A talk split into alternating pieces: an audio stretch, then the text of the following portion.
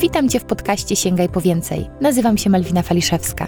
W tej audycji posłuchasz treści o rozwoju osobistym i rozwoju kariery, odwadze do działania, budowaniu pewności siebie i o talentach Galupa. Zapraszam.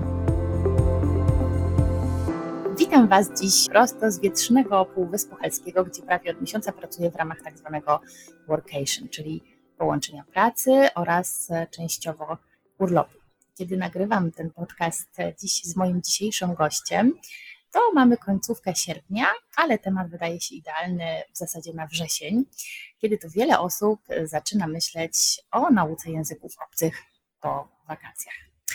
No i teraz pytanie, czy znajomość języka obcego może nam pomóc sięgnąć po więcej? Dziś zaprosiłam do podcastu Anetę Wrubel, trenerkę języka angielskiego, filolożkę, poliglotkę, która mówi płynnie w czterech językach. Aneta od ponad 10 lat uczy, jak przełamywać bariery w mówieniu i jak z pewnością siebie wyrażać się w języku obcym. Cześć Aneta.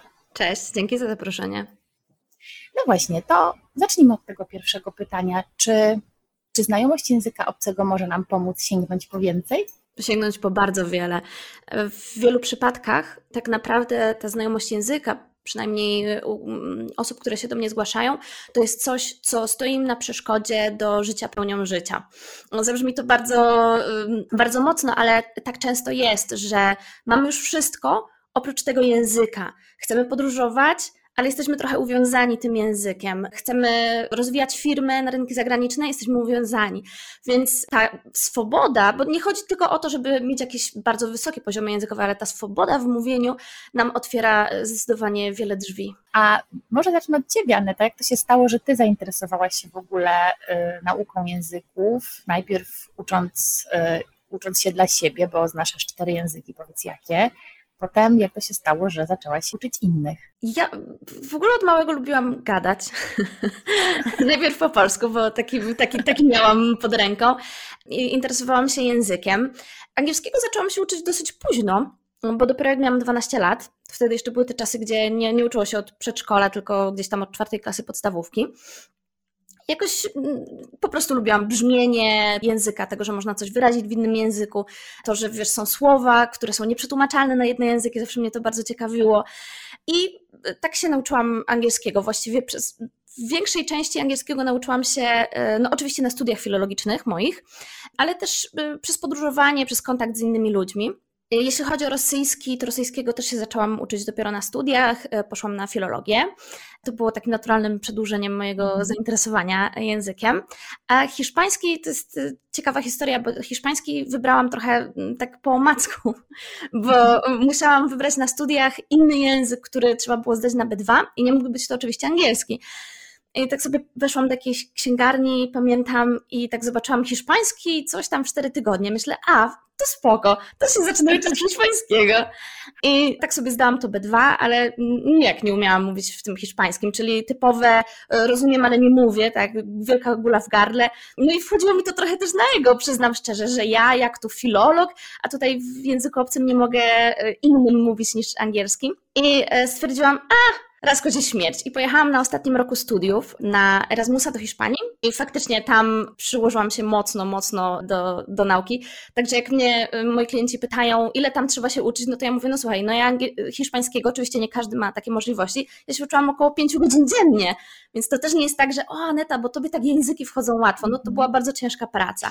Więc to, że mówię w tylu językach, to jest y, zasługa tego, że po pierwsze chciało mi się, że jestem tym zainteresowana, że z przyjemnością to robiłam, ale też, że poświęciłam temu naprawdę ogrom życia. No tak, brzmi rzeczywiście jak Twoja prawdziwa pasja. E, także naprawdę super e, to słyszeć. Ja znam angielski i francuski i zawsze marzyłam, żeby nauczyć się hiszpańskiego, ale jakoś chyba nie marzyłam wystarczająco mocno, bo zabrakło mi czasu, bo jeszcze do tej pory nie zaczęłam się uczyć. Też wiem, jak to jest z tymi językami, kiedy przestajesz go używać, po prostu przestajesz i zapominasz. Jak Dokładnie.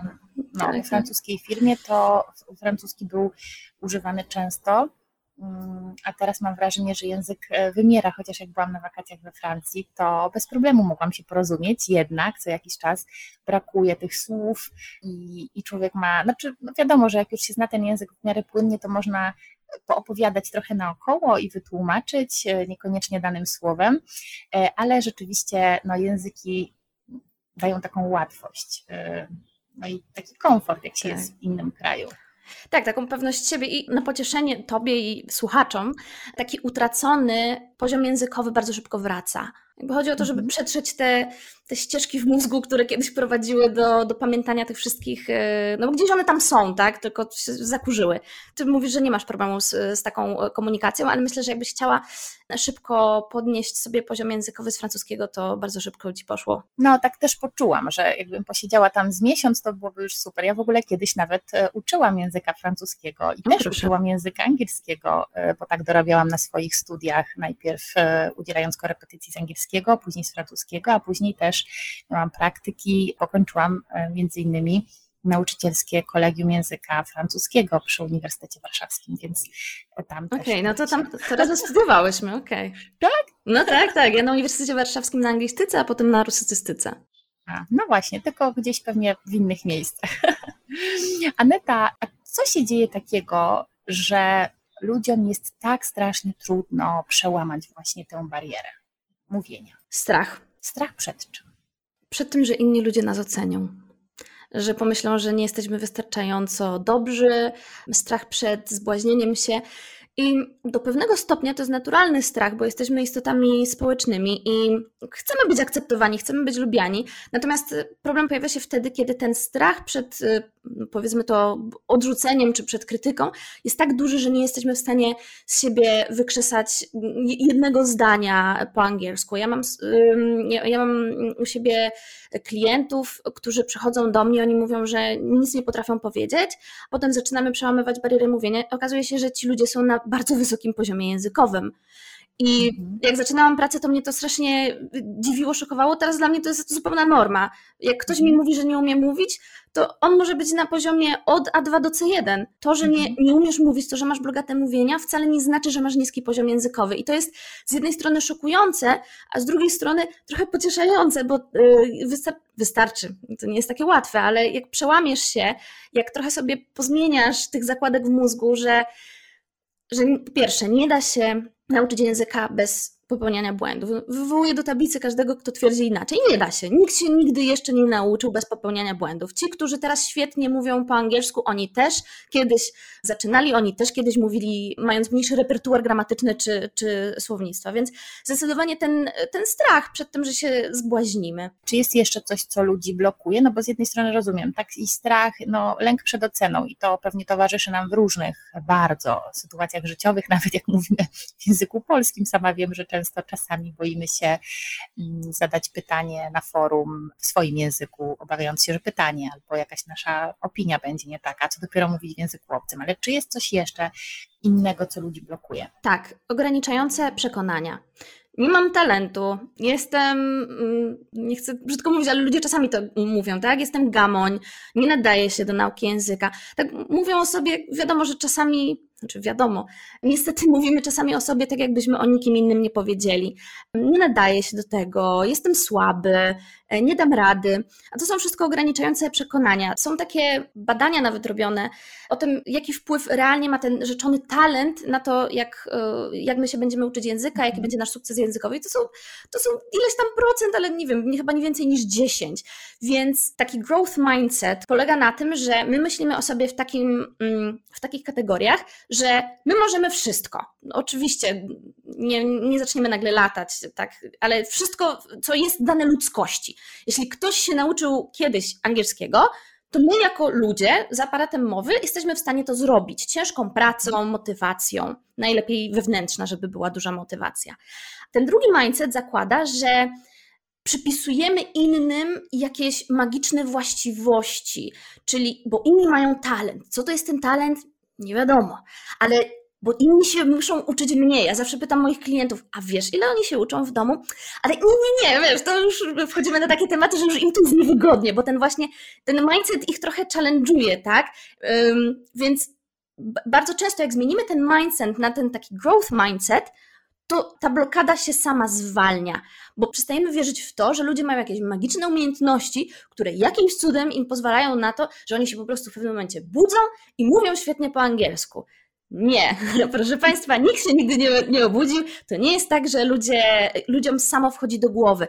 Tak, ludzie mają dużo wewnętrznej motywacji, ludzie mają dużo uciechy z nauki języka i to powoduje, że oni się uczą skutecznie. Ale to nie jest tak, że, że ktoś potrafi, a ja, się, ja nie potrafię. I tego, tego, jakby, tego myślenia uczę. Mhm. Ale wiesz co, jak tak sobie przypominam też swoje doświadczenia z nie wiem, nawet z, z liceum, ze studiów, to było coś takiego, że jednym ta wymowa, jakoś to przychodziło łatwiej, tak by się wydawało może, że łatwiej, ale chociażby wymowa, no, jakiś słuch e, chyba też mhm. pomaga, prawda? Bo nie każdy, no słyszymy różnych ludzi. Jednym tak ładnie to wszystko e, idzie i wymawiają piękną angielszczyzną czy też jakimś innym językiem, a inni mówią tak twardo. Znaczy oczywiście pewnie w komunikacji nie ma to później większego znaczenia, ważne, żeby się dogadać, ale no, ja widzę, że, że niektórym to tak gładko idzie. Mhm. Tak, poruszyłaś tutaj dwa bardzo ważne tematy. Jeden to jest e, taki, że innym idzie gładko, a drugie to zapomniałam, za chwilę sobie przypomnę. Więc zacznę od tego, o którym pamiętam.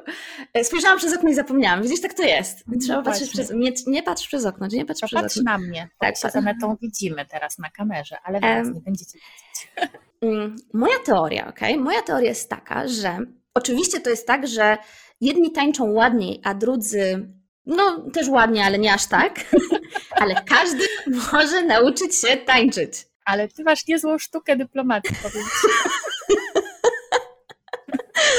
Więc pytanie, czy ty chcesz umieć tańczyć jak wirtuos tańca, czy chcesz po prostu umieć tańczyć? Jeśli mhm. przychodzisz do mnie i mówisz, ja chcę umieć po prostu tańczyć, bo do mnie tak przychodzą, ale tak, ja chcę się po prostu dogadać. No i tak, no i wiesz, ja ciągnę, ciągnę, ciągnę i nagle no bo, no bo ten akcent i tak dalej. Mówię, no wiesz, odczep się od tego swojego akcentu, mówisz poprawnie, bo ja bym chciała tak jak, nie wiem, tam Arlena Witt, nie? Mówię, no dobra, no ale to okej, okay, to chcesz zostać wirtuozem języka, więc to jest po pierwsze, czego ty chcesz, bo jeśli chcesz zostać wirtuozem, no to pamiętaj, że wirtuoz to jest ktoś, kto poświęca większość swojego dnia na to, żeby robić to, co robi. Ja poświęcam większość swojego dnia na komunikację w innych językach. Moja koleżanka, która jest pianistką, 10 godzin dziennie gra na pianinie, więc pytanie, czy chcesz tyle czasu na to poświęcić, bo tak się zostaje wirtuozem. I to, że komuś lepiej wchodzi, y, lepiej wchodzą akcenty angielskie. Moja teoria jest taka, że to są ludzie, którzy mogą mieć te 10-15% tego talentu, oczywiście, ale też pytanie, my znamy odcinek jego życia, a jak wyglądało jego życie? A może matka jest pianistką? Może po prostu grała na pianinie co wieczór, wiesz, i on po prostu się nasłuchał tego, tak, że melodię po prostu ma w krwi. Więc moim zdaniem to nigdy nie przychodzi samo, tylko gdzieś z naszej historii życiowej, jakimś szczęściem, jakimś trafem, po prostu nabyliśmy te umiejętności w jakiś inny sposób. Ja to tak widzę w taki sposób. Mhm. Ja sobie, jak byłam mała, sobie śpiewałam, ja dużo recytowałam, tańczyłam, bardzo lubię tańczyć, więc podejrzewam, że ta melodia języka też jakby przeszła z tego tańca i z tego śpiewu na język. Więc to jest, to jest, moja, mhm. to jest moja teoria. Wiesz co, y, tak, no bardzo słusznie mówisz o tym, mi się bardzo podoba, o czym mówisz, że my widzimy tylko wierzchołek góry lodowej, tak. czyli to, że ktoś mówi i właśnie dopisujemy tę historię do do, znaczy sobie dopisujemy historię, że no właśnie komuś jest łatwo i tak dalej. I to jest nie tylko z językiem, to jest ze wszystkim. Kiedy ktoś już coś osiąga, to widzimy właśnie ten wierzchołek góry lodowej, a nie myślimy ile tam pracy, ile tam różnych innych rzeczy po drodze, przeszkód, y, wytrwałości, jakiegoś zaciskania zębów czasami było potrzebne. I, I tak jest, wiesz, ja sobie teraz próbowałam przypomnieć, jak ja się uczyłam języka angielskiego i pamiętam, miałam 8 lat, jak mama zapisała mnie na angielski do jakiejś szkoły językowej, y, w jakiejś w grupie się uczyłam, z jakichś takich podręczników, wiesz, jeszcze takich tekturowych, y, mm. to śmiesznie mm, wyglądało, ale pamiętam, że, że jakoś to, co mnie bardzo chyba pomogło, Mm, to były te czasy, kiedy kupowałam sobie kasety, kasety jeszcze. Jak są młodzi słuchacze, to nie wiedzą być może, co to jest, albo nie pamiętają, ale to były takie kasety do magnetofonu. I czasami te kasety e, miały wkładki z tekstami piosenek. No bo wcześniej jakby, no nie było internetu, kiedy ja byłam nastolatką, tam miałam 12-13 lat, to dopiero były jakieś w powijakach internetowe tutaj zagadnienia w Polsce, więc pamiętam, że brałam te kasety, na magnetofonie puszczałam e, piosenki, i e, osłuchiwałam się z tym, żeby w ogóle wiedzieć, żeby te słowa wysłuchać, jeszcze nawet nie wszystkie rozumiejąc, tak? No bo no gdzieś tam sprawdzałam sobie, ale to też nie było sprawdzanie online, co trwało minutkę, tylko gdzieś musiałam wyjąć jakiś duży słownik, przeszukać, ale to mnie jakoś kręciło, słuchanie tych piosenek. I teraz, jak obserwuję znowu moją córkę, która no, ma teraz 14 lat, no to jej możliwości dostępu do języka są po prostu kolosalnie większe. No, chociażby umiłowała sobie jakiś czas temu na Netflixie, teraz już nie ma, serial Friends, który ja jej pokazałam i obejrzała pierwszy, pierwszy raz ten całe wszystkie sezony po, po polsku, a później oglądała je chyba, nie wiem, ze 100 razy tylko i wyłącznie po angielsku. I jestem pod wrażeniem, jak dużo jej to daje i jakie czasami zwroty mi przynosi, których ja naprawdę już nawet nie znam i myślę, że już niedługo mnie wyprzedzi. Czy właśnie to słuchanie piosenek, oglądanie filmów jest pomocne w nauce? Tak, zdecydowanie. Otaczanie się językiem, najchętniej, żeby to był język mówiony, jest bardzo pomocne pod warunkiem, że będziemy to robić z głową. No, jak wszystko oczywiście. Co to znaczy? To znaczy, że dobrze wybrać materiał, który będzie na odpowiednim poziomie. Czyli jak jesteśmy początkujący, a weźmiemy sobie coś trudnego językowo, możemy się po prostu sfrustrować i, i tym rzucić. Więc dobrze, żeby to było coś, co my zrozumiemy. Takie właśnie oglądanie któryś tam raz tego samego odcinka serialu, to jest coś, co ja zdecydowanie polecam do nauki, bo można się skupić wtedy na konkretnych słowach, bo znamy już fabułę, już wiemy, już jesteśmy spokojni, nie musimy tam o co tu chodzi, ktoś coś powiedział. Kontekst. Tak, znasz kontekst po prostu. Ja czasami y, polecam, żeby mm, jeśli chcesz sobie obejrzeć film w języku obcym, przeczytaj sobie fabułę w Twoim języku rodzimym, czyli w tym wypadku w polskim, a potem sobie obejrzyj ten film. I wtedy masz już, no trochę masz zespoilerowane, no sorry, ale, ale przynajmniej wiesz o czym jest i możesz się skupić na tym, żeby wyłapywać jakieś fajne zwroty, jakieś wyrażenia. Nie mówiąc o tym, że to też świetne jest na wymowę, jeśli będziemy z filmem pracować tak, że będziemy zatrzymywać mega krótkie fragmenty, po jednym zdaniu, nawet po pół zdania i powtarzać dokładnie w taki sposób, jaki słyszeliśmy. To mhm. też, więc z filmami, z podcastami można pracować na bardzo wiele sposobów. Super. A co jeszcze oprócz oglądania właśnie filmów w języku obcym, czy słuchania e, piosenek i tłumaczenia, co było moim sposobem, co jeszcze pomaga, wiesz, tak zrobić taki boost, czyli przyspieszyć naukę? Tak jak mówiłam, rozpoczęcie nauki od takiego rachunku sumienia. Dlaczego? bo zabieram się pierwszy raz czy któryś raz? Jeśli któryś raz, to trzeba zrobić sobie rachunek sumienia. Dlaczego się zabieram któryś za, e, za, to raz? Co mi wcześniej przeszkodziło? Czy ja myślę, że w ogóle dam radę? Jakie mam cele językowe? Więc zacząć od takiej strony bardziej trenerskiej, żeby wiedzieć, w którą stronę iść. Nie? Jak mówią, że jak masz dopłynąć do brzegu, jak nie wiesz, gdzie jest twój port. No to, no to w tym sensie, tak, że od tego trzeba zacząć i potem się tego trzymać, czyli zaufać sobie, że podjęło się dobrą decyzję. Wziąć pod uwagę to, że są e, gorsze i lepsze dni ale cisnąć po prostu. Codziennie 5 minut jest lepsze niż raz w tygodniu e, jakiś zryw taki, wiesz, po, po godzinie. To zależy też, co chcemy zrobić z tym językiem. Coś, co wydaje się niby oczywiste, a wcale oczywiste nie jest, to jest to, żeby metody nauki dopasować do celów. Już tłumaczę. Jeśli my chcemy przełamać barierę mówienia, to czytanie angielskich książek, jakkolwiek fajne, nam nie pomoże w tym. Więc musimy sobie pomyśleć, co my chcemy w tym języku robić. I zazwyczaj ludzie mówią, że chcą po prostu gadać. W większości angielski jest nam potrzebny do komunikacji ustnej, czasami pisemnej, ale głównie do, do gadania się gdzieś w sytuacjach e, tam biznesowych czy jakichś tam zagranicznych. Najlepiej sobie znaleźć kogoś, czy to będzie trener językowy, czy kolega, czy ktoś z jakiejś aplikacji, teraz są aplikacje do wymiany językowej, czy w ogóle z jakiegoś tam demonu językowego. To są takie spotkania, w dużych miastach są organizowane, może w mniejszych też y, pewnie są. Y, ludzi, którzy po prostu się spotykają i rozmawiają w danym języku. Są na przykład stoły, że jest stół niemieckiego, stół hiszpańskiego, stół angielskiego. Więc gadać, jak najwcześniej przełamać tą barierę, że nie umiem, że boję się. Na zasadzie straszniejsze jest nasze wyobrażenie niż to jak, jak, to, jak to jest. Więc to, co przyspieszy, to na pewno zacząć robić to w tym kierunku, w którym chcesz to, to co mhm. chcesz osiągnąć.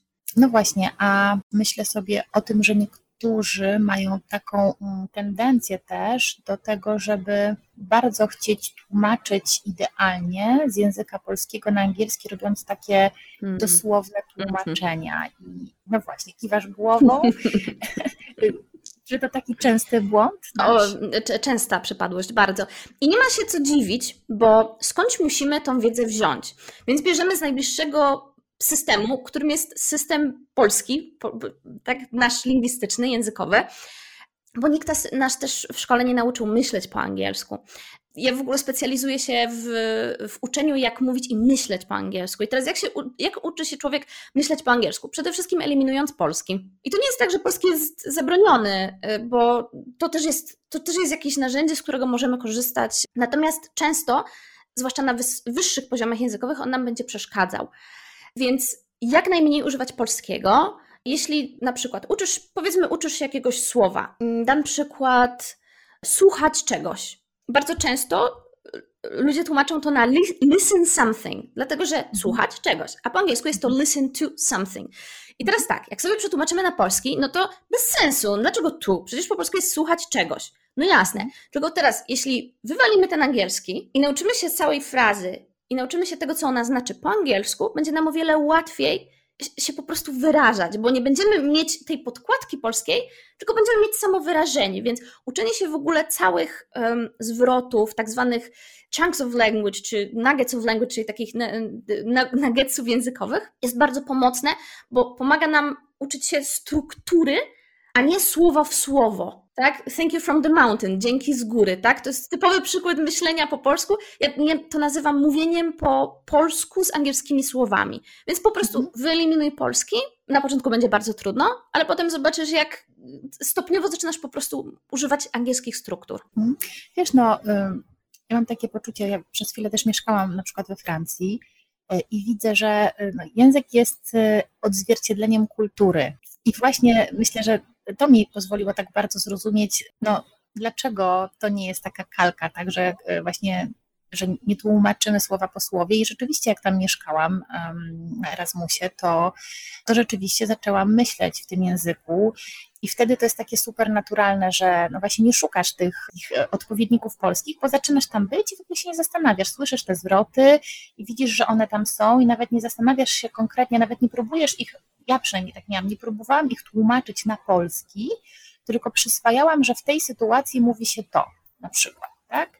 E, pamiętam, że e, po polsku się mówi dziękuję, a ty mówisz nie ma za co, a po francusku ktoś ci mówi merci, a ty mówisz de rien, tak jakby z niczego. No i też mm, de nada, tłumaczyć, to byłoby bez -hmm. sensu, tak? -hmm. No właśnie i i, I pewnie no, teraz nie ma za co, to teraz by trzeba było, wiesz, tłumaczyć na nie ma za co.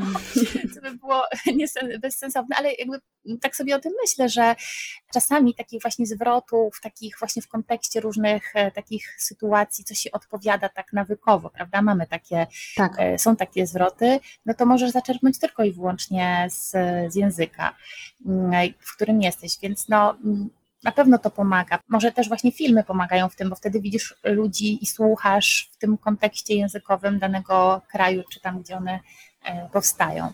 Tak, tak, zdecydowanie. W ogóle na szczęście takie rzeczy, że nie ma za co e, i you're welcome, to jest już ustalone, że you're welcome i nikt na to. I to jest super w ogóle, co mówisz, bo, bo to jest dobry argument, jak ktoś mówi, no ale bez sensu, bo po polsku się mówi tak, no tak, no a po polsku się mówi nie ma za co, a po angielsku jest you're welcome.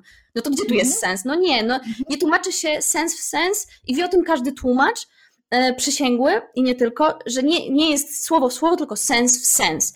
A no to, że język tworzą ludzie, więc język jest odzwierciedleniem kultury, jasne i super w ogóle byłoby e, dla każdego sobie gdzieś wyjechać i, i być w danym kraju. Nawet nie, bo angielski, po angielsku mówi więcej nie native'ów niż native'ów, więc akurat tutaj myślę, że można by wyjechać do Holandii i też, e, też sobie podszkolić angielski, czy tam do, do, do um, Islandii. Natomiast jeśli nie mamy takiej możliwości, to można się tym językiem otaczać właśnie tak jak mówisz, przez, y, przez oglądanie filmów, ale też wiesz, no internet, kurczę, nie? Y, fora językowe, followowanie w ogóle jakichś tam, nie wiem, ludzi na Instagramie, którzy, y, którzy po angielsku prowadzą swoje konta, jakieś newslettery. Jakby tych możliwości jest teraz tyle, że można się naprawdę mocno otoczyć tym językiem. Mhm.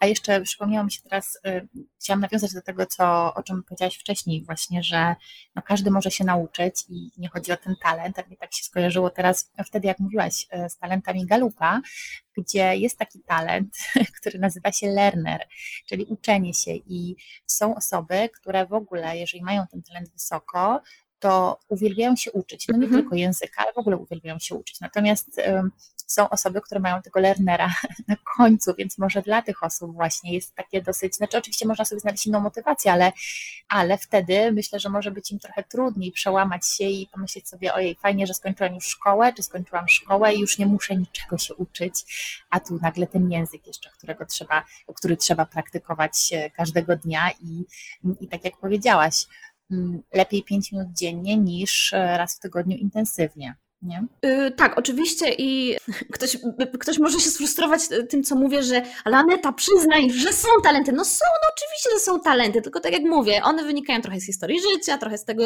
czemu się poświęcamy i tak dalej. Oczywiście są osoby, które, mm, jak pytam ich o motywację, mówią, bo ja się lubię uczyć. Ja mówię, o super, Pana Boga za nogi złapałam, bo super się z learnerami pracuje, bo tak naprawdę to jest czysta robota, y, oni sami wiedzą, co mają robić. Mhm. A są osoby, które nie lubią się uczyć.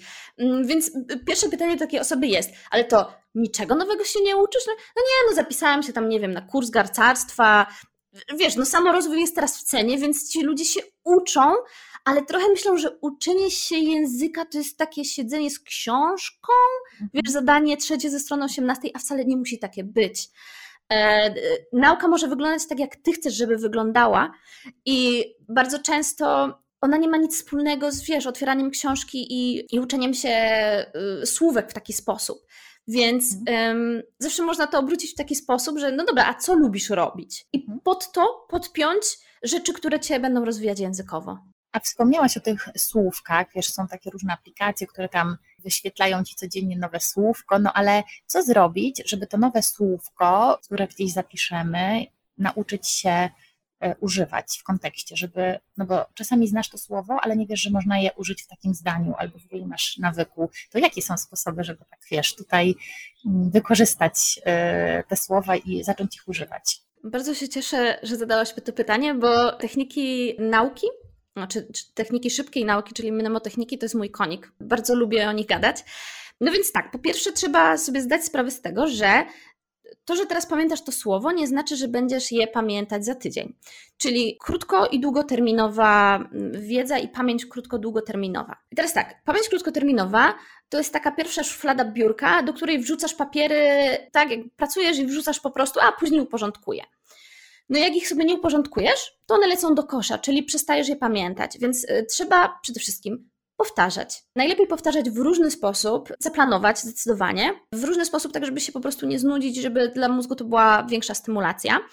To po pierwsze, mówi się, że żeby jedno słowo zapamiętać, no to tak kilkanaście, dziesięć razy trzeba gdzieś je usłyszeć. To nie chodzi o to, że musisz siedzieć i wkuwać, że wiesz, apul jabłko, apul jabłko, apul jabłko, tylko gdzieś musisz usłyszeć, gdzieś przeczytać, czyli znowu otaczanie się językiem nam pomaga, bo ono się liczy jako powtórka. Mhm. I co zrobić, żeby używać w dobrym kontekście? Po pierwsze, uczyć się z kontekstu. Czyli jeśli uczysz się z fiszkami, to jest y, chyba jedna z najpopularniejszych metod, y, trochę niedoceniana, dlatego że mm, jest używana, no powiedzmy, w niewłaściwy sposób w większości. Uczenie się z fiszkami ma największy sens wtedy, kiedy uczysz się, co znaczy dane wyrażenie, w odpowiednim kontekście, czyli dajesz jakieś słowo przykładowe i tego zdania się uczysz, to zdanie sobie czytasz, to zdanie sobie powtarzasz. I wtedy wiesz, masz trochę taki mm, szkielet językowy i do tego, z tego szkieletu po prostu jedno słowo wypada, drugie. Tak, tak się uczysz generalnie języka, tak się dzieci też y, uczą. One się nie uczą, co znaczą poszczególne słowa, tylko całych zdań się uczą. I potem sobie testują, czy okej, okay, to jak powiedziałam to, to czy mogę sobie wymienić to słowo na to i też będzie, mm, też będzie działać. Więc też trochę takie ryzykowanie językowe jest w cenie. E, czyli a powiedz jeszcze trochę więcej o tych fiszkach, bo może nie każdy mm, wie, co, są, co to są te fiszki. Mhm. Fiszki to w najprostszym wydaniu to jest kawałek kartki, takiego postita, to taka mhm. mała kartka. Na jednej stronie zapisujesz coś, czego się uczysz w tym momencie. Nie będzie to, to, to, to słowo Apple, mhm. Apple, a na, y, a na drugiej stronie piszesz co to znaczy. No, każdy wie, co to znaczy, y, no ale jakbyśmy nie wiedzieli, to można sobie napisać, najlepiej w języku angielskim. Czyli na przykład it's a type of fruit. Tak, żeby znowu, żeby uciekać od tego tłumaczenia po polsku, tylko żeby myśleć po angielsku. I pod spodem, bardzo ważne, piszesz sobie przykładowe zdanie, czyli I like apples. Tak? Mhm. Do tego można jeszcze dodać sobie, o czym nie wspomniałam, jak pytałaś mnie, jak, jak zapamiętać na długo dane słowo, można dodać sobie jakieś skojarzenia, można sobie dodać jakieś emocje. Wszystko, co pomaga nam w tej asocjacji tego słowa, będzie, będzie przydatne. I to jest bardzo prosta metoda. Takie fiszki można sobie robić online, można je sobie robić offline, można do nich dodać bardzo dużo różnych y, rzeczy. No i one powtarzane codziennie czy co jakiś czas yy, są moim zdaniem jedną z najefektywniejszych i najprostszych metod, żeby się uczyć słownictwa. No, czyli powtarzamy codziennie, czyli biorę sobie takie fiszki, mówię na głos to słowo, y, odwracam, mówię na głos to zdanie, a może wymyślam sobie jeszcze nowe zdanie z tym słowem. Tak, można pracować na dużo różnych sposobów. Przede wszystkim to jest taki autoquiz, czyli patrzę na słowo Apple i myślę sobie, czy ja pamiętam, co to znaczy? Dobra, chyba znaczy brzoskwinia. Patrzę w drugą, o nie, to nie było, to nie, to nie jest brzoskwinia, to jest jednak nie to. Okej, okay, czyli idzie na kubkę, jeszcze nie pamiętam. Albo mhm. muszę powtarzać. Więc to jest taki, auto, jak na studiach e, kojarzysz, że się robiło takie przepytki, no to to jest dokładnie to samo, tylko sama to, to dla siebie robisz. Tak, to chyba Duolingo tak działa, prawda? Taka aplikacja, która chyba w podobny sposób y, gdzieś tam powtarza słowa i tak mi się wydaje, bo nie Wiesz, korzystam do mhm. końca. Nie lubię Duolingo. nie, okay. lubię, nie lubię Duolingo i uważam, że są lepsze aplikacje na to, żeby się uczyć. No właśnie, a jakie powiedz? Quizlet. E, naj, najlepsze fiszki to te, które stworzymy sami. Jest w tym więcej pracy, ale sam proces tworzenia fiszek to, to jest proces zapamiętywania, więc na Quizlecie możesz sobie dodawać słowa i ich definicje. Ta fiszka do ciebie w ogóle gada, więc e, to jest super, bo taka fiszka papierowa nie gada, więc trzeba sprawdzać wymowę, a w języku angielskim jest to szczególnie ważne, więc jeśli nie jesteście pewni wymowy, tak na 100% albo na 110%, to naprawdę sprawdzajcie, bo jak się pisze dane słowo, jasne, ale w większości będzie Wam potrzebne wiedzieć, jak się wymawia dane słowo. A jeśli takich gotowych chcecie skorzystać, e, no to Language Drops lubię, są po prostu, to jest ładna wizualnie apka, ale, ale będę tutaj postulować za tym, że najlepiej fiszki sobie zrobić. Memrise jest ok, no tak, Memrise no. jest ok. No właśnie, to, y, to, to róbcie fiszki, jeżeli macie y, chęć i kreatywność, ale pewnie są też tacy, którzy będą woleli skorzystać z gotowych rozwiązań. Aneta, powiedz mi jeszcze, jak na przykład ktoś, y, może nie tak, bo to jest takie częste pytanie ludzi, ile muszę się uczyć, i ile razy w tygodniu i ile czasu poświęcić na naukę, żeby na przykład dojść do poziomu X. Czy mhm. można to jakoś oszacować, tak wiesz, żeby są takie osoby, które potrzebują konkretów i muszą wiedzieć, ok, czyli to ja mam poświęcać pół godziny dziennie, czy pięć minut, czy dwa razy w tygodniu i, i takie pytania czasami zadają. To ty masz na to mhm. odpowiedź? Mhm. Tak, ja pytam, a ile masz czasu? ile masz czasu i kiedy chcesz dojść do tego poziomu? Bo jeśli jesteś na poziomie B2 i chcesz do, dojść do poziomu C1 w dwa miesiące, no to mówimy o bardzo intensywnej pracy. Jeśli jesteś na poziomie. No mówi się, że mm, dojście kurczę, nie mam tego, tych y, cyfr przed oczami, ale dojście do poziomu B2 to jest chyba 400 godzin, jeśli dobrze kojarzę. Musiałabym to sprawdzić. 400 godzin nauki. No więc no, czysta matematyka. Jeśli jesteś na A1, chcesz się dostać do B2, a uczysz się godziny dziennie, no to w rok się to stanie, tak? Mniej więcej. To oczywiście to jest, dziennie, to, jest, to sporo. To jest sporo, tak. Y, to warto zaznaczyć, że na początku my jedziemy na takiej e, motywacji chwili, takiej zajawce. To ja teraz wezmę i się będę w ogóle uczyć, więc zawsze mm, warto sobie zadać pytanie, jaki jest wasz MVP, czyli Minimum Viable Product, czyli jakie jest wasze minimum, które jesteście w stanie wyrobić. I teraz musicie wziąć pod uwagę, że pies się wam rozchoruje, szef każe zostać nadgodziny, y, będziecie w złym nastroju. I ile wtedy jesteś w stanie się uczyć? Wszystko ponad to jest, y, jest super. Ale moje minimum, które polecam, to jest 15 minut dziennie, 4 razy w tygodniu. Plus, jeśli macie taką możliwość, albo praca z trenerem, albo jakieś wymiany językowe, w ogóle czuwanie nad tym swoim procesem bo wtedy najszybciej zauważycie rezultaty i to będzie Was napędzało do dalszej pracy, bo raz, raz w tygodniu przez godzinę, będzie szło wolno, po prostu, siłą rzeczy. Czyli jak ze wszystkim, jak pójdziesz raz w miesiącu na siłownię i poćwiczysz 4 godziny, to zupełnie będziesz miała y, inny efekt niż jakbyś codziennie poćwiczyła przez 10 minut. E, więc no nie ma mhm. zmiłuj, po prostu no tak. nie ma nic za darmo, trzeba, e, trzeba poświęcić ten czas mm, i, no i inaczej się pewnie nie da.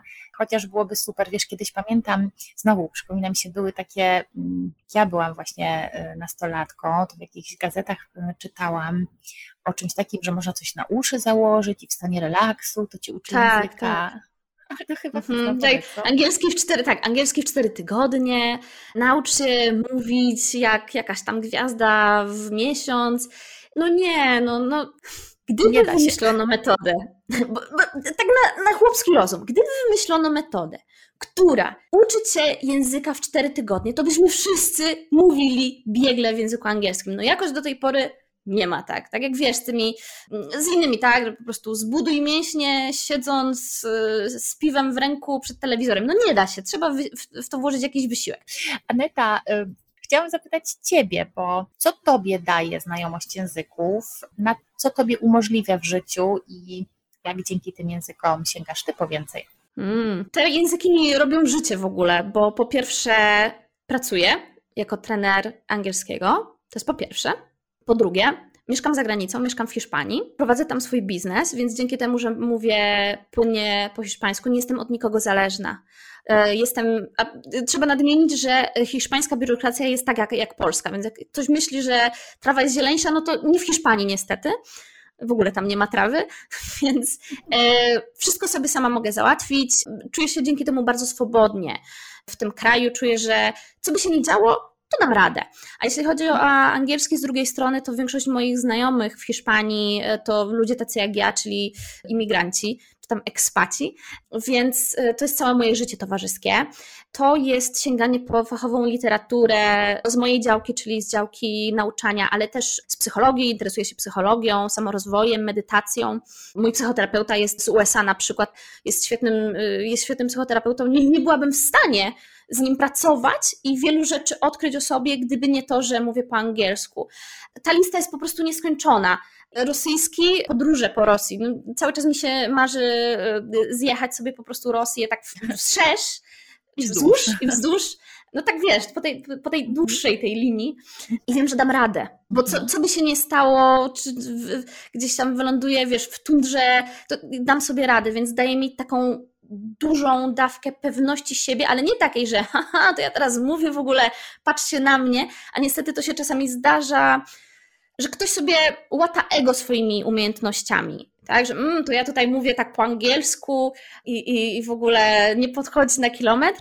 Mnie to daje taką, taką cichą pewność siebie, że takie ogarnę. Co będzie, mhm. to ja będę miała, tak jak, jak, mi się, jak mi się zachce, to mogę się przeprowadzić do innego kraju. Bardzo lubię mieszkać w ogóle za granicą, mam w planie mieszkanie też w innych krajach, więc takie po prostu mam taki spokój ducha, wiesz? Super. No też e, dzisiejszy świat też umożliwia, e, no właśnie, nawet my nagrywamy, ty jesteś w Hiszpanii, ja jestem na Półwyspie Helskim w Polsce i sobie gadamy teraz, więc umożliwia nam dużo rzeczy, a w pandemii przyszło do ciebie więcej klientów z racji tego, że ludzie się trochę przestawili na to, że online też można? Tak, zdecydowanie. Mnie pandemia no, kurczę, bo wiesz, co chcę powiedzieć, zabrzmi to źle, ale mojemu biznesowi pandemia pomogła w tym sensie, że i nie tylko mnie, każdemu, kto pracuje online, uczy online, ale też ludzie, którzy chcieli bardzo długo pracować zdalnie, a nie mogli, bo szef im nie pozwalał. Dokonał się po prostu przełom jakiś tutaj, tej takiej digitalizacji, o tym się też mówi, ja jestem, chcąc nie chcąc w środowisku tych, tych ludzi, którzy pracują online, bo tak jak mówię, większość moich znajomych to są też imigranci, oni pracują zdalnie dla swoich firm, czy tam, nie wiem, z Ukrainy, czy z Niemiec, czy z USA. Więc zdecydowanie jak zaczynałam, a zaczynałam uczyć online zanim to było modne, 3,5 roku temu, to dużą część de procesu decyzyjnego zajmowało klientom to, czy oni chcą online, a teraz dla nich to jest taka normalka, że w ogóle jak wcześniej to było, ale da się nauczyć online, a teraz to jest w ogóle, nie, nie ma żadnego problemu. Nawet nie pytają często, gdzie jestem. W ogóle ich to jakby nie, nie, nie obchodzi do końca, czy ja jestem na miejscu, czy ja jestem za granicą. Mm, tak, to prawda. Wiesz, to w wielu, y, myślę, branżach, nawet w psychoterapii, którą wspomniałaś, też y, to się zmieniło. Tak samo coaching. Mhm. Te rzeczy, które ja robię dzisiaj, po prostu no też jest możliwe prowadzenie sesji coachingowych online i i to po prostu działa, chociaż też coachowie zdarzało się wcześniej, że po prostu pracowali przez telefon, nawet nie widząc klienta mm. i to też było normalne. Oczywiście każdy woli no, ten kontakt osobisty kiedyś może wolał, bo dzisiaj to wcale nie wiem, czy już woli. Są ludzie, którzy wcale nie hmm. wolą. To, to znaczy tak, fajnie jest z kimś siąść w tym samym pokoju i wypić kawę, jasne. E, jeśli chodzi o psychoterapię, to jeśli mm, na przykład masz psychoterapię ruchu, no to pewne rzeczy po prostu nie, nie zrobisz. Natomiast też pytanie zawsze jest o to, co przeważa, bo jeśli wolisz oszczędzić czas, i to na dojazdy i na to, żeby wiesz, poprawić włosy i, i, cokolwiek i przygotować pokój, żeby wyglądał zdatnie, jak przychodzi e, do ciebie powiedzmy coach czy, czy w drugą stronę. Wydaje mi się, że e, w pandemii doceniliśmy po prostu też taką wygodę, tego, że trochę poszliśmy w tą stronę i trudno nam sobie teraz wyobrazić, że to ja mam dojeżdżać teraz? Oczywiście, że są mhm. osoby, które wolą, wolą kontakt taki face to face i które po prostu nie chcą się gapić w, w monitor kolejną godzinę, ale coraz częściej przeważa już takie, że tak, ale wiesz Aneta, ja też często jeżdżę w delegacje i co, co chwilę bym odwoływała te zajęcia, a tak to możemy się spotkać gdziekolwiek. Mhm. Super, Aneta, to tak e, na koniec, mogłabyś mm, najpierw, najpierw odeślę y, słuchaczy na, y, na stronę Anety, na której znajdziecie chyba 78 powodów do nauki. Tak. To jest fajnie, przeczytajcie sobie. Aneta, podaj nazwę swojej strony, ja ją zapiszę też, ale... Tak, www.vroolang, czyli wrolang.com i tak, tam na blogu znajdziecie, e, po pierwsze, znajdziecie cały tutorial, jak zrobić własnoręcznie fiszki do nauki języka. Po drugie, kolejny artykuł o tym, jak przełamać barierę, jak zaczynać przełamać, yy, przełamywać e, barierę językową. I po trzecie, tak, 78 powodów, dla których powinieneś zacząć się uczyć angielskiego tej jesieni. tak, czytałam, czytałam i niektóre mnie rozbawiły, to są naprawdę zabawne, ale fajnie, pobudzają kreatywność i nagle się okazuje, że tych pomysłów, oprócz tego, że potrzebuję do pracy albo robię prezentację po angielsku, jest o wiele więcej, te są takie nudne, ta moneta miała chyba upust swojej kreatywności dosyć mocno. No ale dobra, kończąc, to teraz y, jeszcze prośba do Ciebie, czy mogłabyś wymienić takie, tak na koniec, takie, jak już mamy ten cel i wiemy po co chcemy się uczyć, to takie trzy dobre nawyki w nauce y, języka, które każdy może sobie na koniec wziąć. Mhm. Po pierwsze, stworzenie sobie nawyku, bo to też jest proces, czyli rozpisanie sobie najlepiej w które dni o której konkretnie godzinie i po jakiej albo przed jaką inną czynnością będziesz się uczyć angielskiego, no i w jakiej formie. Czyli na przykład w poniedziałki, środy i piątki po porannej kawie 15 minut będę powtarzać fiszki, albo je robić, albo słuchać podcastu, albo przeczytam artykuł w New York Timesie. I najlepiej zawczasu sobie przygotować te materiały, żeby, nie, żeby go nie tracić na to, żeby, żeby tych materiałów szukać. To jest pierwszy nawyk. Drugi nawyk, wychodź ze swojej strefy językowej, Boże, komfortu, język... komfortu językowego. To znaczy, że język do czegoś ci się ma przydać i to, czego ty się uczysz, ma ci się realnie przydać w życiu. Więc jeśli ty się chcesz nauczyć komunikować, to jak najwcześniej, jak najwcześniej znajdź sobie kogoś, z kim sobie chcesz pogadać. Jak chcesz się nauczyć pisać maile albo robić prezentacje, to znajdź sobie kogoś, z kim będziesz mógł się wymieniać mailami albo komu będziesz te, mógł prezentacje robić. A trzeci to taki, żeby brać pod uwagę, że to jest długi proces, że są lepsze, gorsze dni i żeby zaufać sobie z momentu podejmowania decyzji. Nie podejmować na pewno ani na górkach, ani na dołkach decyzji, robić rewizję, najlepiej co trzy miesiące, e, Twoich e, celi, tego, gdzie chcesz iść, ale w międzyczasie lecieć na defaulcie tak zwanym. E, czytam teraz książkę o stoicyzmie i to jest niesamowite, jak wiele z tych rzeczy się w ogóle ma do nauki języka. Jedna była taka, którą nieświadomie stosowałam do tej pory, nie wiedząc, że jest. No, stolicy też na to wpadli, żeby podzielić się na dwie osoby. Jedna osoba to jest generał, a druga to jest żołnierz. Generał podejmuje decyzję i wydaje rozkazy żołnierzowi, a żołnierz tylko te rozkazy przyjmuje i co jakiś czas się spotyka z generałem, czy wszystko ok i tak dalej. Więc, żeby przez, te, przez ten czas sobie zaufać i być żołnierzem. Mhm. I nie kwestionować. Nie kwestionować, nie, kwestionować nie kwestionować siebie co chwilę. E, super, to słuchajcie, bądźcie jak e, żołnierze i żołnierki, bo ja staram się używać żeńskich form bardzo często, to bądźcie jak żołnierze i żołnierki. I mam nadzieję, że ta rozmowa zainspirowała Was do tego, żeby podejść do nauki e, języka angielskiego jeszcze raz na poważnie, jeżeli tego nie robiliście, albo że złapaliście trochę motywacji, żeby uczyć się więcej, te 15 albo nawet 5 minut dziennie i, no i potem sięgać po więcej, po te wasze marzenia, które macie w związku z tą nauką. Bardzo Ci dziękuję, Aneta, za dzisiejszą rozmowę. Dzięki. Trzymajcie się i do zobaczenia w kolejnych podcastach. Cześć! Jeśli podobał Ci się ten odcinek, udostępnij go znajomym. Zasubskrybuj mój kanał, jeśli chcesz być na bieżąco z tematami, które poruszam. I powodzenia w Twoim sięganiu po więcej.